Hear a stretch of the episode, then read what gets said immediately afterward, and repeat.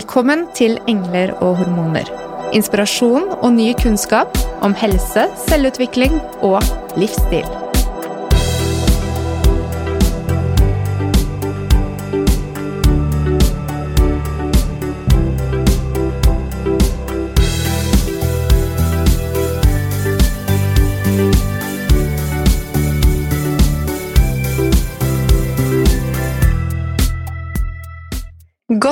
Nyttår, kjære lyttere. Er du nysgjerrig på livet? En av de største trendene det siste året er moderne hekseri i selvutviklingssfæren. Symboler, stjerner og deres plassering vil gi oss tankemat for refleksjon, og hvis du er åpen for det, noen nye ideer til hvordan du kan håndtere livet, og hvordan du lever det. I dag er vi så heldige å ha Ida Jackson i studio. Hun er forfatter, forretningskvinne, foredragsholder og blogger, og om jeg må få si et digitalt unikum. Og også et barn av naturen. Fordi i dag er Ida invitert i studio i kraft av å være en moderne heks. Og det er et sitat fra Dagens Næringsliv. Ehm, men det som er så fint, er at Ida har sagt ja til å gi oss sine betraktninger på det året som ligger foran oss, ved hjelp av sine verktøy, astrologi og tarot. Hjertelig velkommen til studio, Ida. Tusen, tusen takk, Mona. En gave å være her.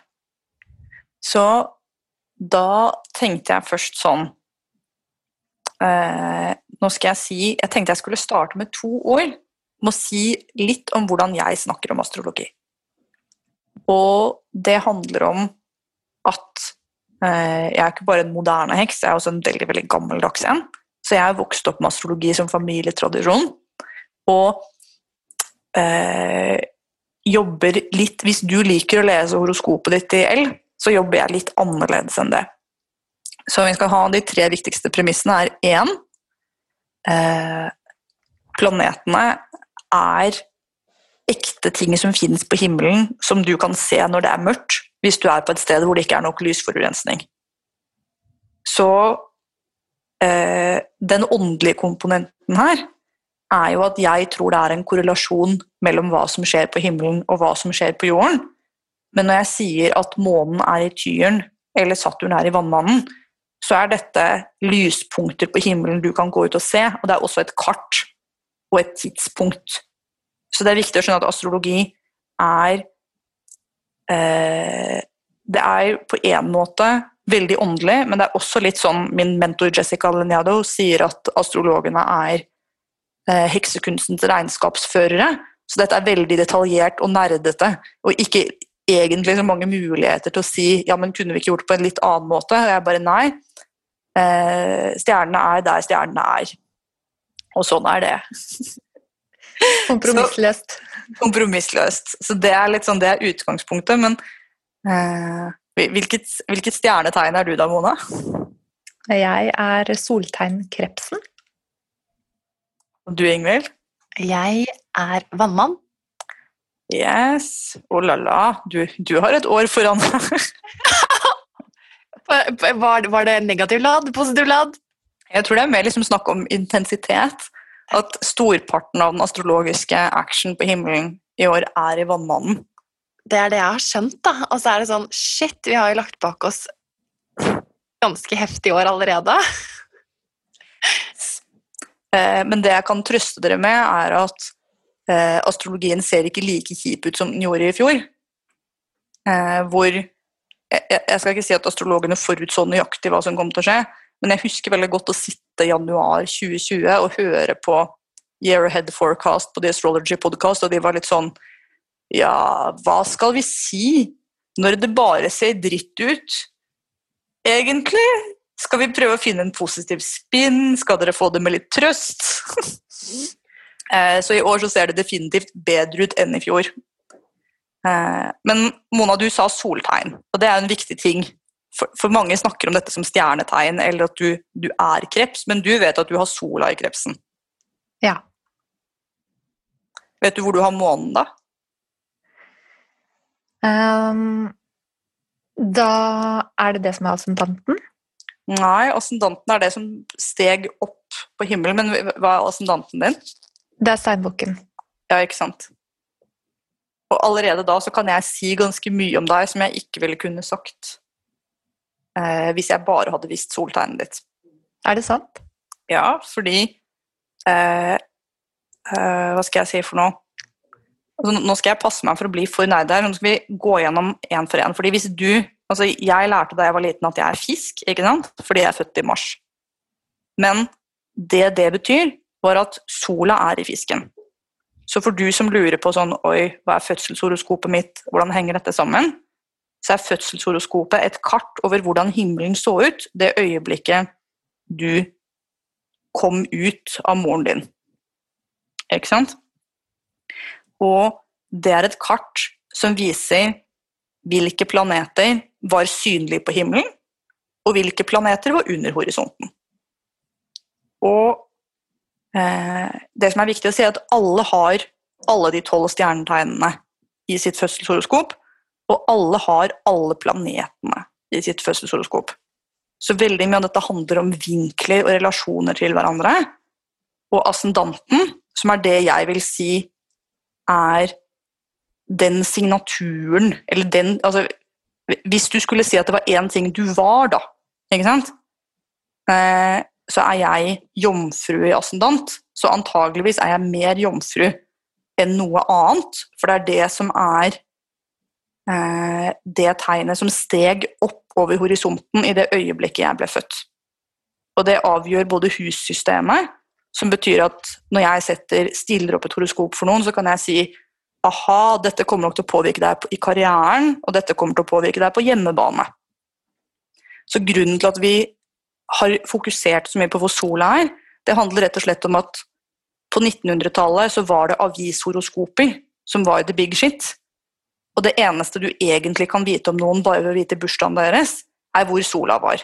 Så da konkluderte vi på en måte med at sola var viktigst. Men de gamle grekerne ville si at først er det ascendanten, fordi den endrer seg hver annen time. Da må du vite nøyaktig fødselsøyeblikk for å vite hva det er. Og så er det månen, for den flytter seg mer. Og så er det sola. Og så kommer resten av planetene. Så eh, hvis du vil vite ditt fødselshoroskop, så kan du logge deg inn på helsenorge.no, gå til medisinsk fødselsregister, finne ditt nøyaktige fødselsøyeblikk og lage et horoskop på astro.com med det tidspunktet. Ja. Disse snap snapshotene du kan lese i L eller andre magasiner, er liksom ikke Det er ikke det som skal sette stemningen for hvordan dagen blir. Nei, altså jeg vil på en måte si at det antageligvis ikke er et horoskop. Mm. Så, så, mye vil jeg si det. Og det er ikke liksom eh, fordi et horoskop er enten eh, noe som forteller oss noe om hvordan himmelen ser ut for alle, som vi er litt der vi skal snakke om i dag, eller så er det en veldig personlig ting for hvordan verden ser ut for Mona. Så når Mona sier at du har ascendant i steinbukken og sola i krepsen, eh, så er det sånn at jeg vet at de tegnene står rett overfor hverandre. Som betyr at jeg vet at da har eh, Mona antageligvis sin sol i sitt syvende hus, som betyr at hun er en veldig trofast og lojal venn med lange relasjoner.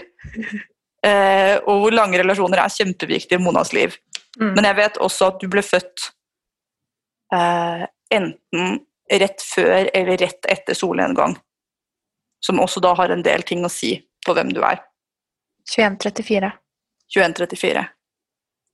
Ja, for da er det Da er du definitivt eh, på natta, som betyr at eh, sola var under horisonten. Da vil man si at du har et natthoroskop, som betyr at månen er viktigere enn sola.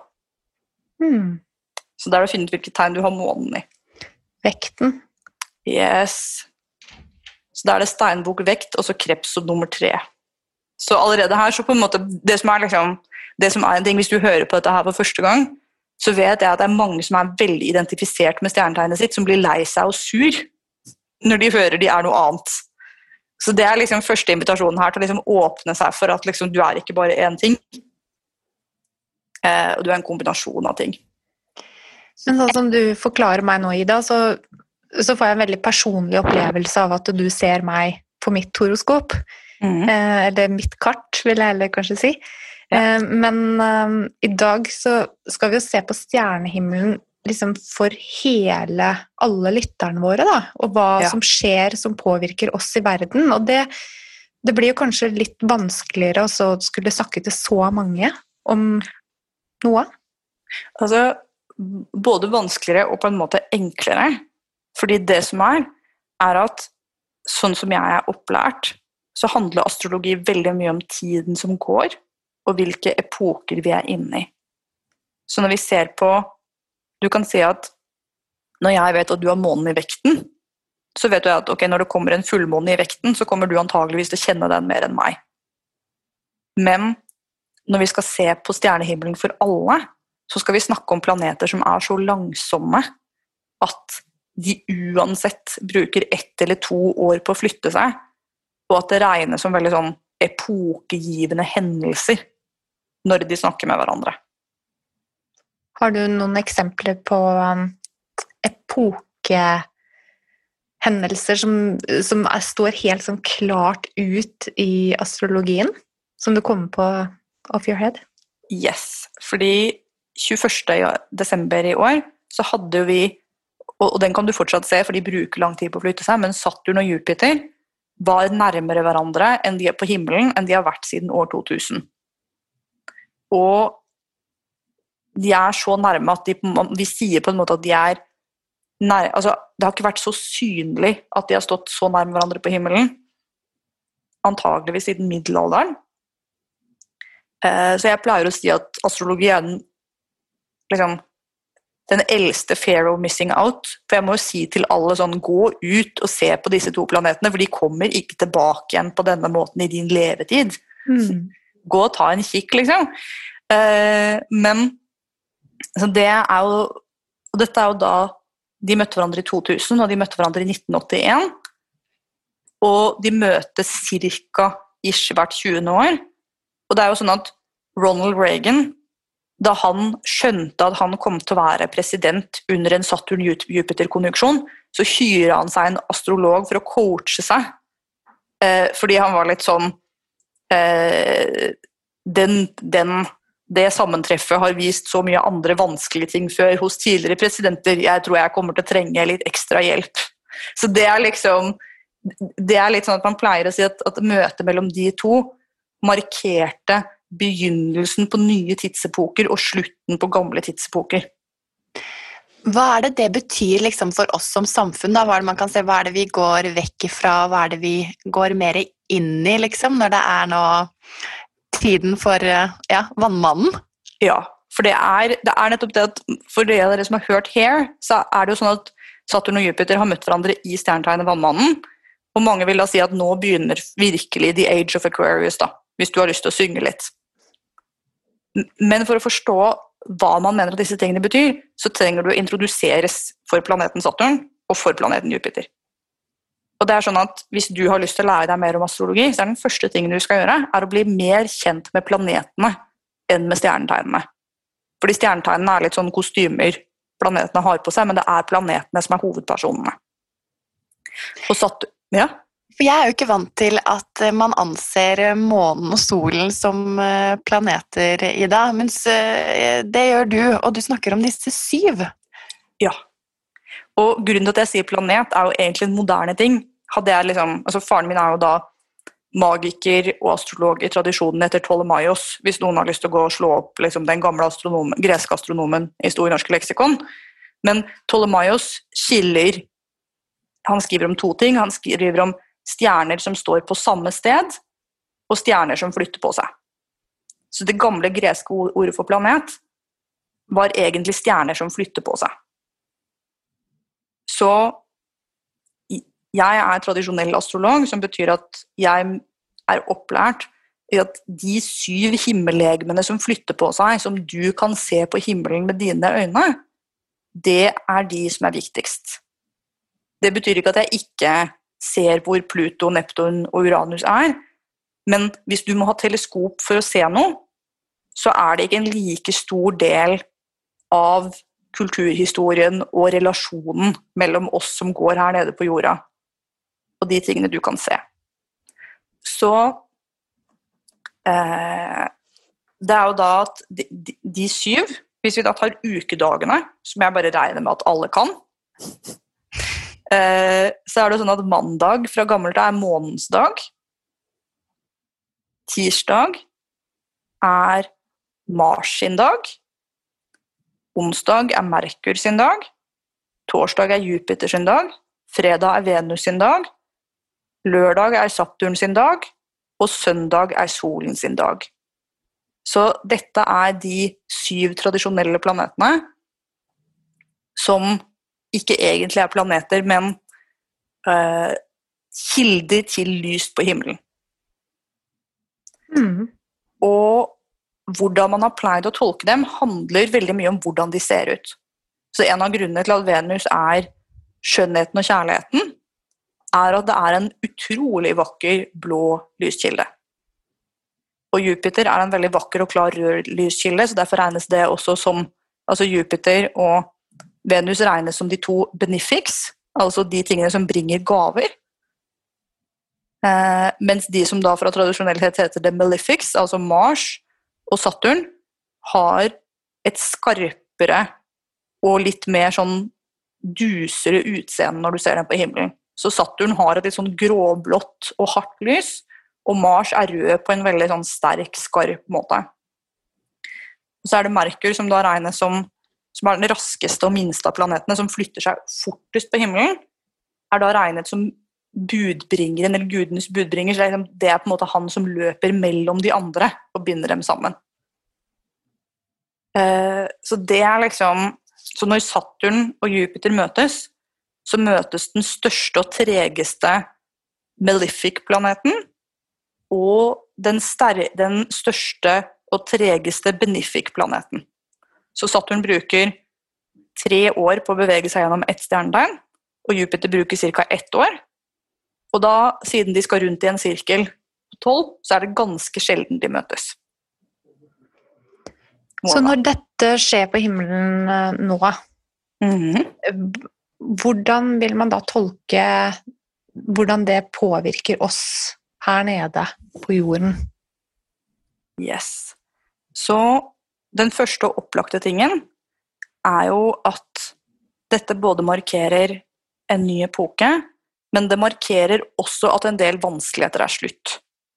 Så det er jo flere hendelser som var i 2020. Som, altså I 2020 så møttes Saturn og Pluto, som skjer enda sjeldnere. Eh, og som da mange mener liksom korrelerte med. og Det er viktig å si at det er, liksom, det er ingen av disse tingene som utløser det her, men det er mer en slags tanke om at det som skjer i himmelen på himmelen, speiles på jorda, det som skjer på jorda, speiles i himmelen på en måte. Men at at det at eh, møtet med At noen av de første rapportene kom fra Kina om et underlig virus, omtrent eh, da Saturn og Pluto møttes i fjor.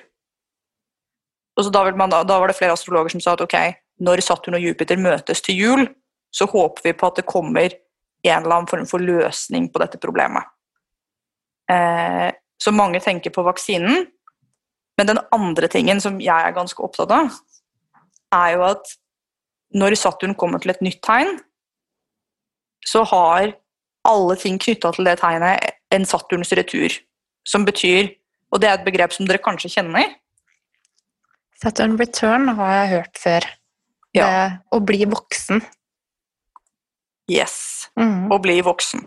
Og Saturn er planeten for, for ansvar og konsekvens. Ikke nødvendigvis slem, men planeten for å si at eh, skatten må betales hvert år, og du blir ett år eldre for hvert år som går, og ett år nærmere døden for hvert år som går, og alle handlingene dine har konsekvenser. Og det som har sin Saturns retur i år, er internett. Mm. Så for meg som har jobbet med digitale medier hele veien, så tenker jeg at ja, dette her markerer epoken for at internett blir voksent. Og hvis du har Saturn i vannmannen, så betyr dette at du går inn i en treårsperiode med vanskeligheter som kommer til å gjøre deg voksen. Så det er også en ting å gå og sjekke hvor du har Saturn. Nemlig. Ta notatet, folkens. Eh, fordi det vil da gi en større påvirkning på de som nettopp har Saturn i vannmannen. Yes. Mm. Det, det vil ha en større påvirkning, men, men for hvis vi skal se på liksom, ok, 2021, så er dette et år med enda mer digitalisering. Ikke sant? Mm. Og enda flere ting hvor Altså, det er ingen som lenger kan si at 'jeg er ikke så opptatt av internett', 'jeg er ikke så interessert i å lære meg det', 'jeg kan ikke finne ut av det', 'jeg kan ikke bruke det'. Ikke sant? Mhm. Det er en mulighet som forsvant fra alle sammen.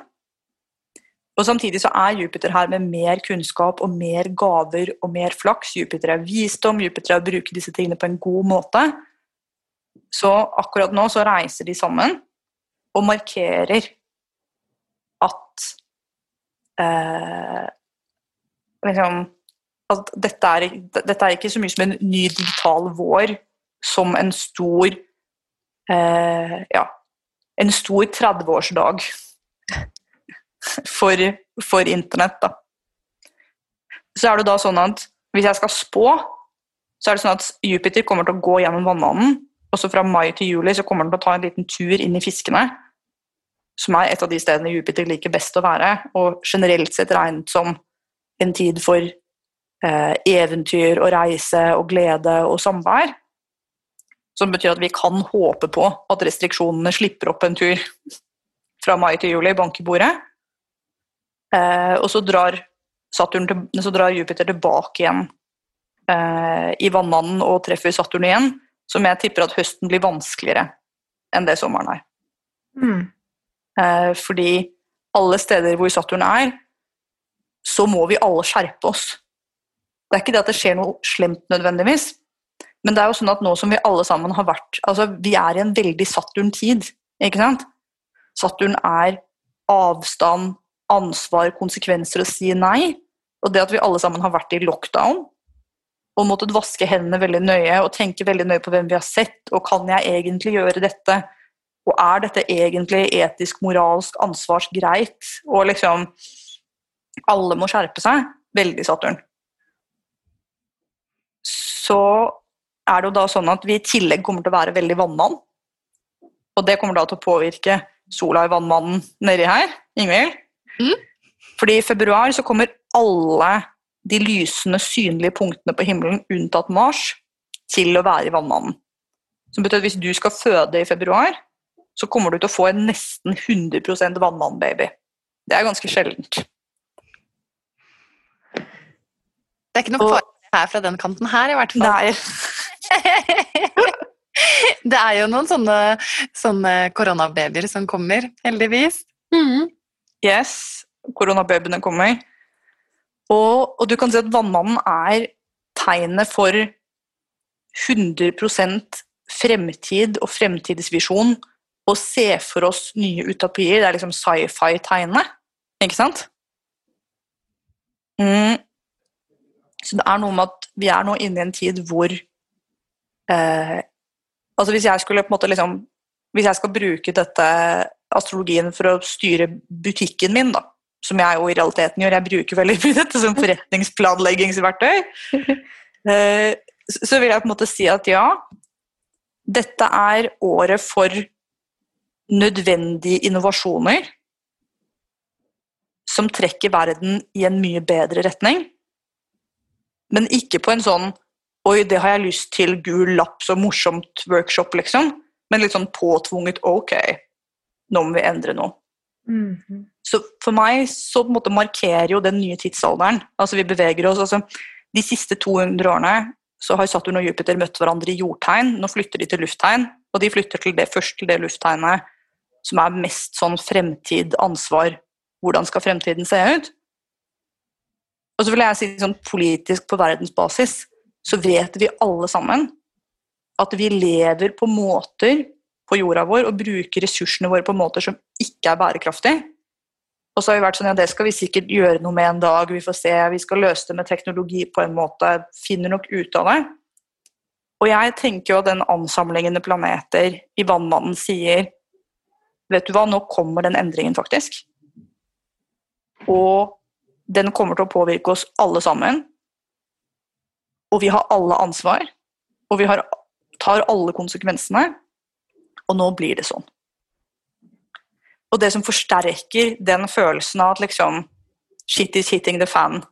Eh, vi kan ikke lenger gå rundt og være sånn Jo, jo, jeg er på en måte litt opptatt av miljø, og jeg skjønner jo at det er vanskelig, liksom. Eh, det er da at Saturn kommer til å krangle med Uranus, som befinner seg i Tyren.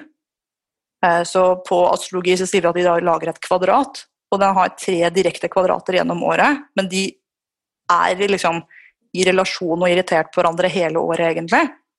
Og Uranus er planeten for politisk opprør og oppgjør og plutselige hendelser. Men Saturn er ansvar, ansvar, det gamle. Ok, nå må vi gjøre dette ordentlig. Um, og når de to møtes, så pleier man å si at ok, da blir det masse eh, altså politisk virak og demonstrasjoner og vi har jo allerede sett det gjennom 2020, at det er ikke liksom en politisk stilletid. Men noe av liksom turbulensen og konsekvensene av den lockdownen og den økonomiske uføret mange sitter i, kommer, tenker jeg da, i 2021. Det er min spådom. Husker du når de møter hverandre, så kan vi eh, sjekke med kalenderen når vi er der? Ja, skal vi se, dette har jeg skrevet ned før jeg skulle komme hit. Det er sånn at, måte, skal vi se Saturn, square Uranus. Og det er Første er 17. februar. Og så andre er eh, 14. juni. Jo, 14. februar, 14. juni og 24. desember. Mm. Julaften. Yes, på julaften. Men mm. det som er, siden at dette er to altså Uranus er Uranus kan du ikke se med det blotte øyet. Eh, som betyr at han er ikke i min bok like viktig som Saturn. Men det er jo sånn at jeg som tradisjonell astrolog vil si at Saturn regjerer vannmannen, mens en moderne astrolog vil si at Uranus regjerer vannmannen. Men uansett hvordan du ser på det, så er det jo da de to planetene som er mest kobla til vannmannen, som krangler om vannmannen, som krangler om fremtiden. Mm, ok. Så der, da leser du det ut ifra disse egenskapene eh, i forhold til hvor de er, og det er jo fascinerende å bare få det sammenfattet på den måten her eh, i dag. Jeg tenker på disse andre planetene som er i Vannmannen. Vil de også virke inn på dette i forhold til hvordan de plasserer seg i samme tegn? Det korte svaret er jo ja. Mm. Eh, så det er liksom at, Hvis jeg skal introdusere dem, da da må man tenke på, jeg vet ikke Hvis noen av dere har noen relasjon til gresk mytologi, så er det jo sånn at enten du er i gammel norrøn mytologi, eller gammel gresk mytologi, eller egyptisk eller babylonsk eller hva som helst, indisk, vedisk, så har alle mytologiske systemer en kobling mellom guddommen og planeten. Så Vi kunne si at Jupiter er Odin og Venus er Frøya. Mm. Eller vi kunne si at eh, Merkur er Hermes og Jupiter er Sevs. Så eh, Men det er jo da sånn at når de møtes, så er det sånn at eh, når Jupiter, Saturn, Venus eh, og Merkur og månen er i vannmannen samtidig, så betyr det at eh, alt som er knyttet til kroppen din og følelseslivet, og alle relasjonene dine og all kommunikasjonen din. Alt hva du syns er viktig og verdifullt og vakkert og kjærligheten i livet ditt. All konsekvensen av systemet og all kunnskap eh, og sannhetssøking befinner seg i det rare digitale fremtidsrommet. Eh, som er Vannmannen. Så bare måten vi snakker sammen på Zoom nå, er jo utrolig sånn vannmann fremtid out there. Så det påvirker egentlig liksom, Dette måtte si at det er liksom, Dette påvirker alltid livet vårt. Så er det da sånn at gjennom året så kommer vi også til å ha Altså eh, vi, vi kommer til Altså av de andre store bevegelsene på himmelen så har vi solformørkelser. Som jeg er også veldig opptatt av å følge med på. som man da også, hvis man er på riktig sted i verden, kan se sol- og måneformørkelse. Så hver sommer og hver jul Mm. så er det én solformørkelse og én måneformørkelse. Det er ikke alltid de er synlige for oss, men de kommer alltid i par. Og de markerer også viktige fokuspunkter i samfunnet. Da. Så i år så er de i tvillingene og skytten, som jo i dag igjen betyr at de er i alt knyttet til kommunikasjon og skriving. Og skytten er også da veldig kobla til reising, ikke sant? Så det er liksom noe med at vi, vi kommuniserer på en helt annen måte, og ingen har reist på veldig lenge. Men er det det som kommer nå, eller er det det som var nå i høst?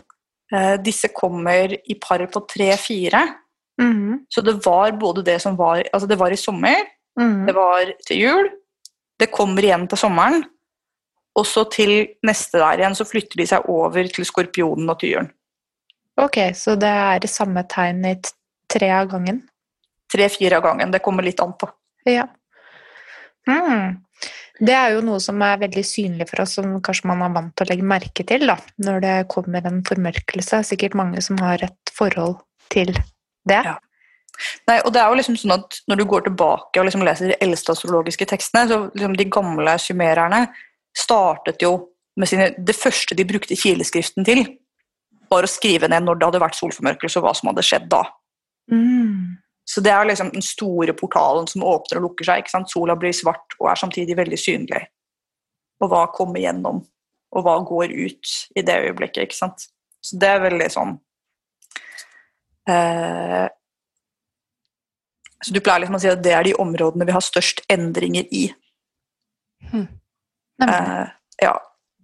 Apropos endringer, da, Ida. fordi jeg mener jeg har hørt liksom sånn at nå går vi fra en tid hvor vi tenker mer egoistisk, vi har vært liksom litt sånn egenrådig på et vis, til å tenke mye mer på samfunnet som eh, for øvrig, da. At vi blir mer liksom kollektive og Har det noe med astrologi å gjøre? Altså, det har jo med fortellingen om vannmannens tidsalder Ja. Og så er det liksom, Jeg er jo en veldig sånn sur, gammel røy når jeg snakker om disse tingene her.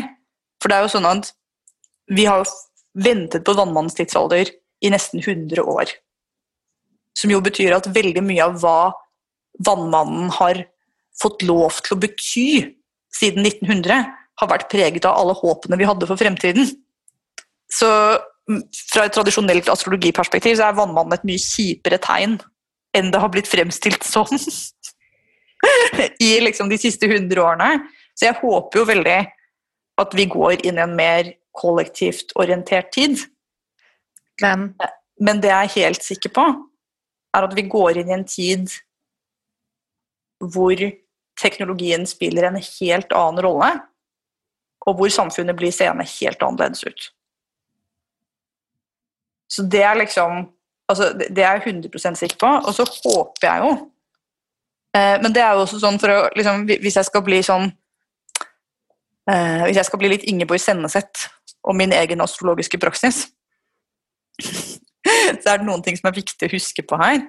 Og det er jo sånn at hvis du Det største spørsmålet når vi snakker om astrologi, er tror du at det fins bare én fremtid? Ser vi inn i Guds datamaskin og får fasiten? Eller får vi værmeldingen og kan bestemme selv om vi tar på regnjakke eller går ut og blir klissvåte? Så eh, eh, hvis du Altså, stoikerne, da. Som var, altså, du kan si at Stoikerne i det gamle Hellas hadde astrologi som sin religion. Og Mannen min er veldig stoisk anlagt. Han sier han er veldig åndelig. Han tenker på livets grufulle slutt, det kalde universet, eh, og at alt er svart. Og for ham er det veldig spirituelt. Og det er veldig stoisk. Eh, og stoikerne vil si at det er veldig viktig å kjenne fødselshoroskopet sitt, så du kjenner ditt så du kjenner til alle øyeblikkene hvor du kommer til å oppleve dyp ulykke og tragedie, og øyeblikket du skal dø, og så kan du forberede deg på det et helt liv. det var liksom deres oppskrift på hvordan bruke disse greiene. Eh, og jeg vil jo ikke anbefale å komme til astrologien med det perspektivet. Jeg er veldig sånn i tradisjonen til Chani Nicolas og andre radikale astrologer som vil si at ok, eh, nå går vi inn i vannmannens tidsalder. Det som er sikkert, er at det blir enorme endringer. Og så er det vårt kollektive ansvar å si at den endringen skal være til gode for alle. Den skal være til gode for miljøet. Den skal bli bra. og si at det kan vi faktisk bestemme. Og at vi er liksom i en form for den typen relasjon. Da. Og at det ikke er liksom at, at spørsmålet om har du fri vilje, eller kan du, hvis du er en flink nok astrolog, se nøyaktig hva som kommer til å skje, er det som liksom er i,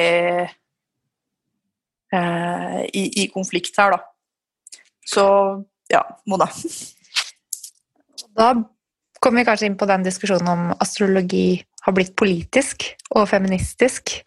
Fordi eh, det er jo i forbindelse med denne artikkelen som sto i Dagens Næringsliv i fjor, så ble det jo fremsatt dette med moderne kvinnehekser. Og også gitt en del eksempler på hvordan eh, dette med sirkler av kvinner også var brukt for å påvirke både politisk tilstedeværende og eh, som gruppe med ritualer. Mm. Eh, har du noen tanker rundt eh, dette? Er dette en del av vannmannens eh, tidsalder? Jeg tenker det både er en del av vannmannens tidsalder, men jeg vil jo tenke at dette handler om Venus. Mm -hmm. Ikke sant? Eh, at eh, Johnny Nicolas sier at eh, Venus skal også inn i vannmannen og videre rundt, men at eh, dette handler veldig mye om helbredelsen av Venus, eller helbredelsen av det feminine. Å si at eh, Venus er jo da planeten som er koblet til det vakre, det erotiske, det feminine, det skjønne. Eh, men også da til alt som handler om verdiene våre, og hva vi mener at egentlig er viktig. Mm. Og at hun har vært utsatt for mest undertrykking og eh, liksom blitt behandlet som det minst verdifulle og det ekleste og det vanskeligste. Og hun sier liksom det, at når når vi samler oss i kvinnesirkler, så gjør vi det for å helbrede Venus. Eh, og si at liksom eh, at, at det er en del av den prosessen. Men, men, jeg vil jo si at astrologi er altså Jeg vil si at alt er politisk, men astrologi for meg er eh, definitivt både et politisk verktøy, men også da et verktøy for, for gjentolkning av hvordan disse tingene ser ut. Så Noe av det som har vært eh, morsomt for meg, da, som jo har vokst opp med dette veldig konservativt og tradisjonelt, har vært å se alle de radikale nytolkningene som er kommet de siste årene. Mm. Eh, så det er sånn at eh, Jeg har jo kommet full sirkel med disse tingene. Sånn jeg eh, Jeg vokste opp veldig religiøst, vokste opp med dette. Og så flyttet jeg for meg selv, og så trengte jeg å ha en sånn aggressiv ateistperiode hvor jeg var litt sånn No way, og dette er skrekkelig. For meg så var det veldig sånn eh, Det å bli mamma En sånn virkelig sånn møte med hva er det jeg tror på, hva er det som er viktig? Jf. å helbrede Venus. Og, og, den delen av meg som var litt sånn Ja, det er veldig viktig at jeg kan lese en dobbeltblind studie om dette. Og så sitte som nybakt mor og lese en dobbeltblind studie av hvorvidt babyer skriker hvis de tas vekk fra mammaen sin når de er nyfødte. Mm. Og så være litt sånn at jeg bare beklager, men denne forskningen trenger ikke jeg å lese. Jeg trenger ikke ha en dobbeltblind studie om hvorvidt jeg skal holde babyen min, liksom. Det skjønte du? Ja, det, det skjønte jeg helt av meg selv. Mm. Og um, uh, og hele den sånn at, liksom, at, du skjønner at liksom, du sitter på en måte mer med en ideologi enn liksom en absolutt kilde til sannhet.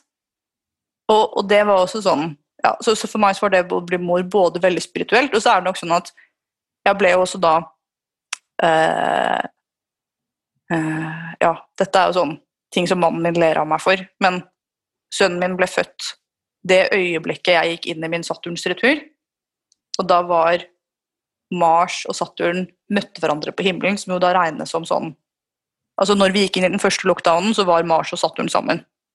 Og det kjennetegnes liksom med utrolig sterk intensitet, og samtidig at ting er stengt. Ikke sant? Mm. Så ja, så det endte jo et kjempedramatisk hastekeisersnitt akkurat idet disse to planetene gikk sammen. Og så når jeg da sitter og ser på den astrologien etterpå, er litt sånn jaså, ja, ok. Så der var keisersnittet mitt, liksom.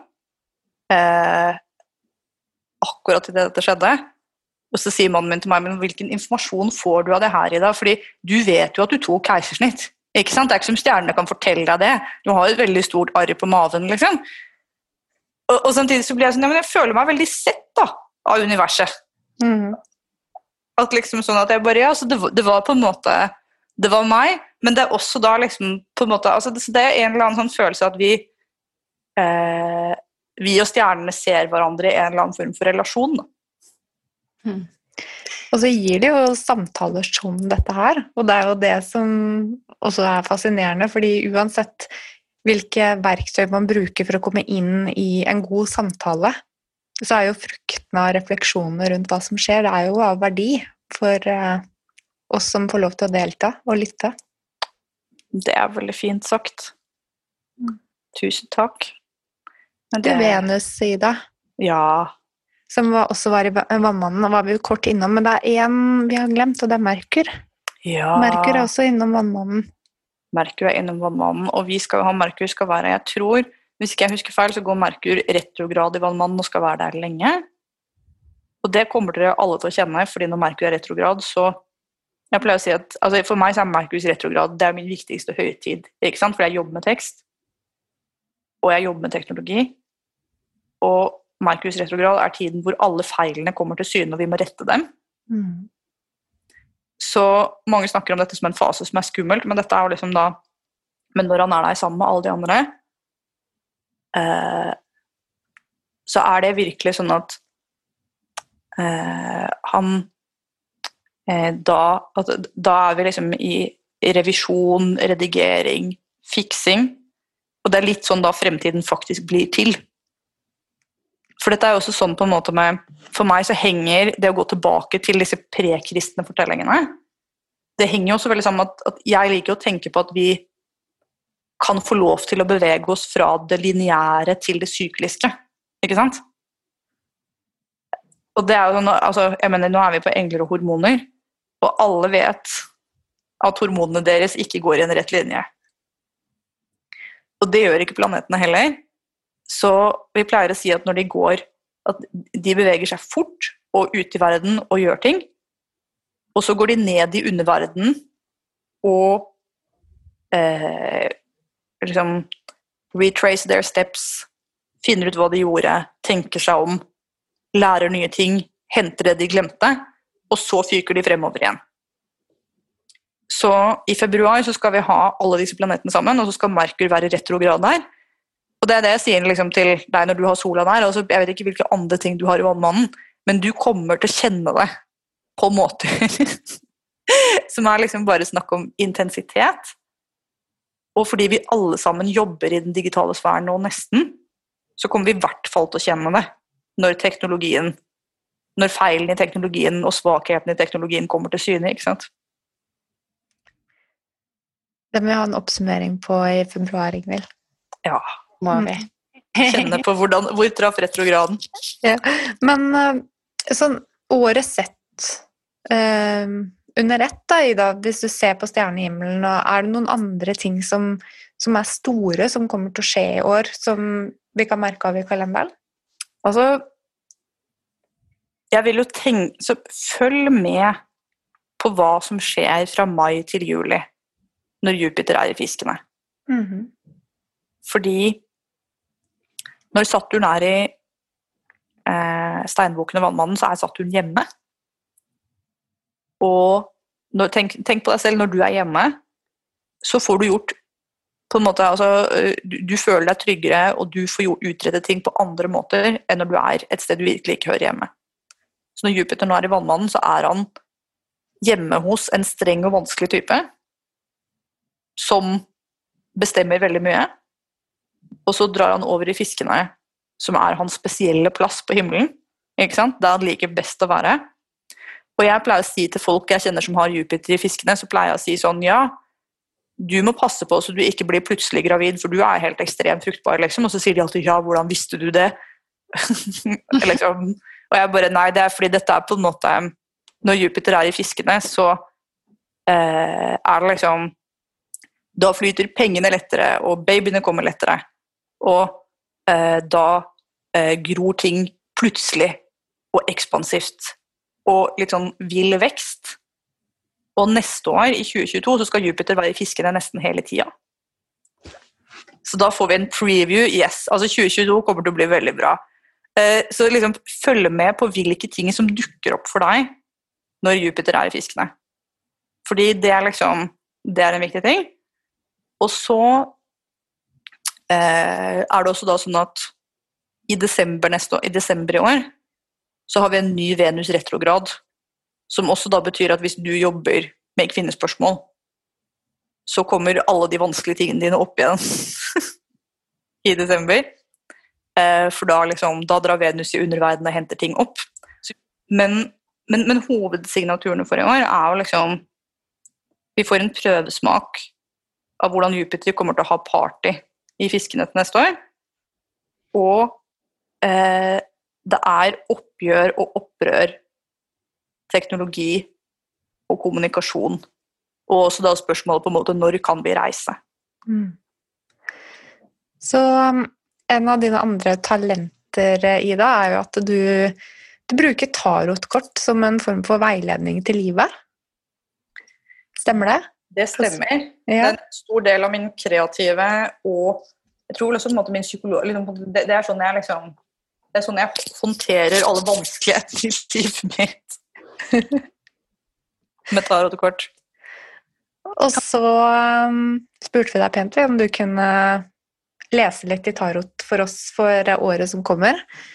Men er det, hvordan fungerer dette da? For nå ser jo vi deg på en skjerm, det gjør ikke lytterne. Men er det litt tilfeldig hvilke kort som kommer opp? Eh, for det er jo en kortstokk. Altså, kjenner du på dem på noen spesiell måte, eller hva er det du gjør for å velge disse kortene? Nei, det er jo et godt spørsmål. Jeg pleier å si stol på hendene dine, men sånn som jeg leser, eh, så vil jeg jo da på en måte si at ok, nå lager jeg en liten sirkel rundt oss, oss tre på Zoom, men også alle som hører på der ute, som jeg ikke kan se, men kjenner litt at det er der. Veldig vannmann. Eh, og sier at nå skal vi bare ha noen kort for deres høyeste og beste. Og det er fordi at det vanligste problemet med spådomskunst, eller liksom på en måte når jeg var ung da, og drev med det her, så er det liksom sånn at mine minst etiske sider vil jo da på en måte trekke et kort, og så ville jeg sagt Oi, Mona, nå skjer det noe. Eh, og så ville du gått og tenkt på det et halvt år og bare Oi, når kommer de sverdene som Ida trakk for meg? ikke sant? Så jeg sier vi skal ha kort for våre høyeste og beste, fordi ingen skal ha angst. Og eh, når jeg da trekker, så stiller jeg spørsmålet, og så kjenner jeg med fingrene til jeg kjenner at ja, det er dette kortet som vil komme. Så det er liksom der intuisjonen min kommer inn, da. Mm. Eh, så her trekker jo folk litt forskjellig, men jeg i utgangspunktet kjenner liksom Jeg kjenner kortet i kronesjakra. Uh, og så vet jeg at ok, da er det det kortet.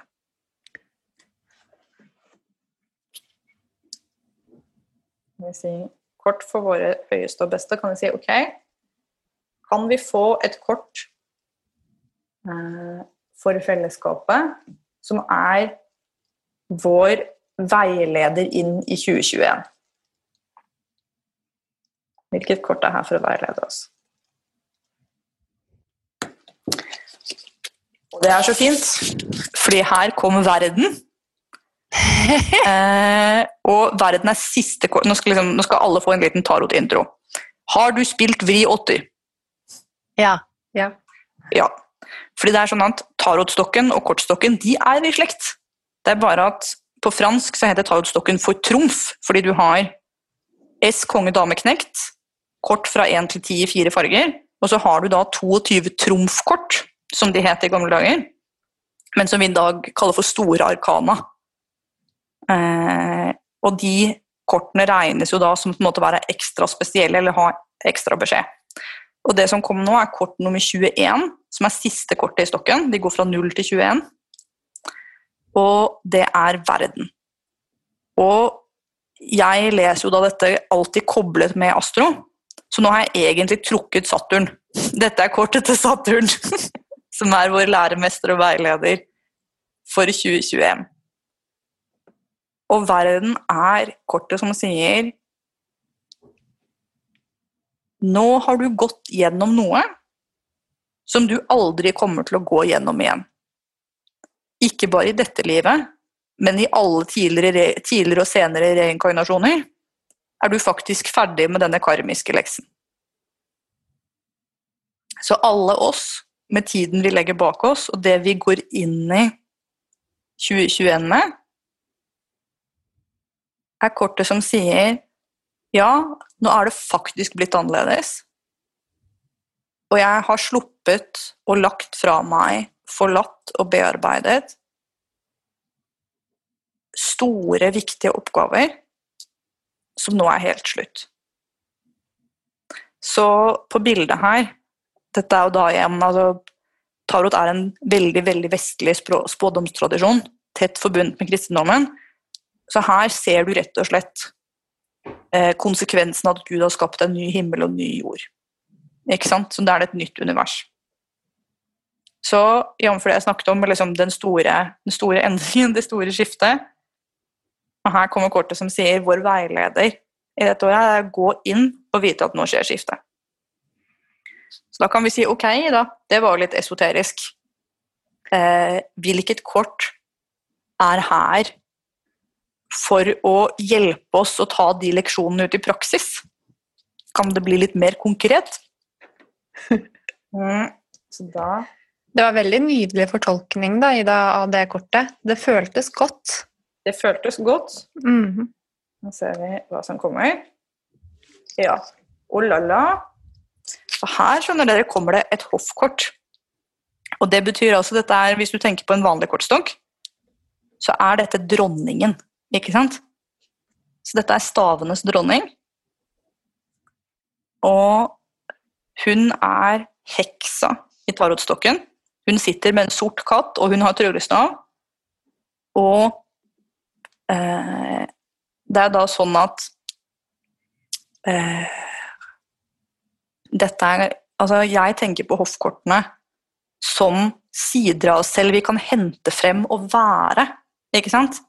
Så hvis du tenker på store arkana-kortet, det er litt som, som vær. ikke sant? Du kan ikke gjøre noe med regnet. Du kan se ut på det, eller du kan gå ut i det. Men den store avslutningen som verdenkortet forteller deg at er her, den bare er her. Det kan du ikke gjøre noe med. Men stavenes dronning, hun er litt sånn en rolle du kan ta på deg, eller en rolle du kan spille og si at vet du hva, jeg skal omfavne denne endringen ved å være stavenes dronning. Og hun er eh, Hvis du kan tenke deg den kreative gnisten og det stedet hvor eh, seksualiteten og kreativiteten og åndeligheten møtes mm, Så er hun den måten vi svarer på den store endringen på, er ved å finne det stedet i oss selv hvor vi skaper fra og leder fra med liksom hele magien og hele femininiteten og hele styrken. Så øh, jeg tenker jo på stavenes dronning både metaforisk og praktisk som chakra 2. Ikke sant? At det kommer fra eh, at nå er vi i et podkastrom hvor vi bl.a. snakker om livmoren, som jeg også tenker på som den ultimate heksekjelen hvor det store mysteriet finner sted. Og tingen er at eh, jeg mener ikke at du må ha en livmor for å være stavenes dronning, men du kan tenke på livmorrommet som en metafor for den styrken og kraften og liksom kreative og vekstinkubatoren da, som hun inviterer oss til å finne.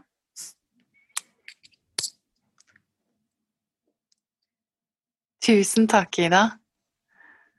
Tusen hjertelig takk for at du tok deg tiden til å være med oss. Og vi er jo så heldige at vi eh, har flere episoder med deg på, på planen for eh, dette året. og det er jo nettopp det med kreativitet og skaping som skal frem i lyset, og det passer jo veldig fint. Det er sånn en liten perfekt intro til deg selv, Ida. Tusen, tusen takk. Hver eneste uke så sender Ida ut et eget nyhetsbrev der hun eh, deler eh, sine tanker rundt ukens tarotkort og gir, seg, eh, gir, deg innsikter om hvordan du kan reflektere rundt uken som kommer. Og hvis du følger lenken i episodebeskrivelsen, så kan du bli bedre kjent med Ida og få hennes e-post rett inn i postkassa di hver uke. Velkommen om bord! Ida, tusen takk. Det var enkelte deler av samtalen i dag som jeg syns var helt nydelig. Og så var det noen som var akkurat så tankeprovoserende som det skal være hvis man ønsker å vokse, så det setter vi utrolig stor pris på. Og allerede nå gleder jeg meg til å ønske deg velkommen tilbake i studio, men for i dag, tusen takk, Ida. Og tusen, tusen takk til dere.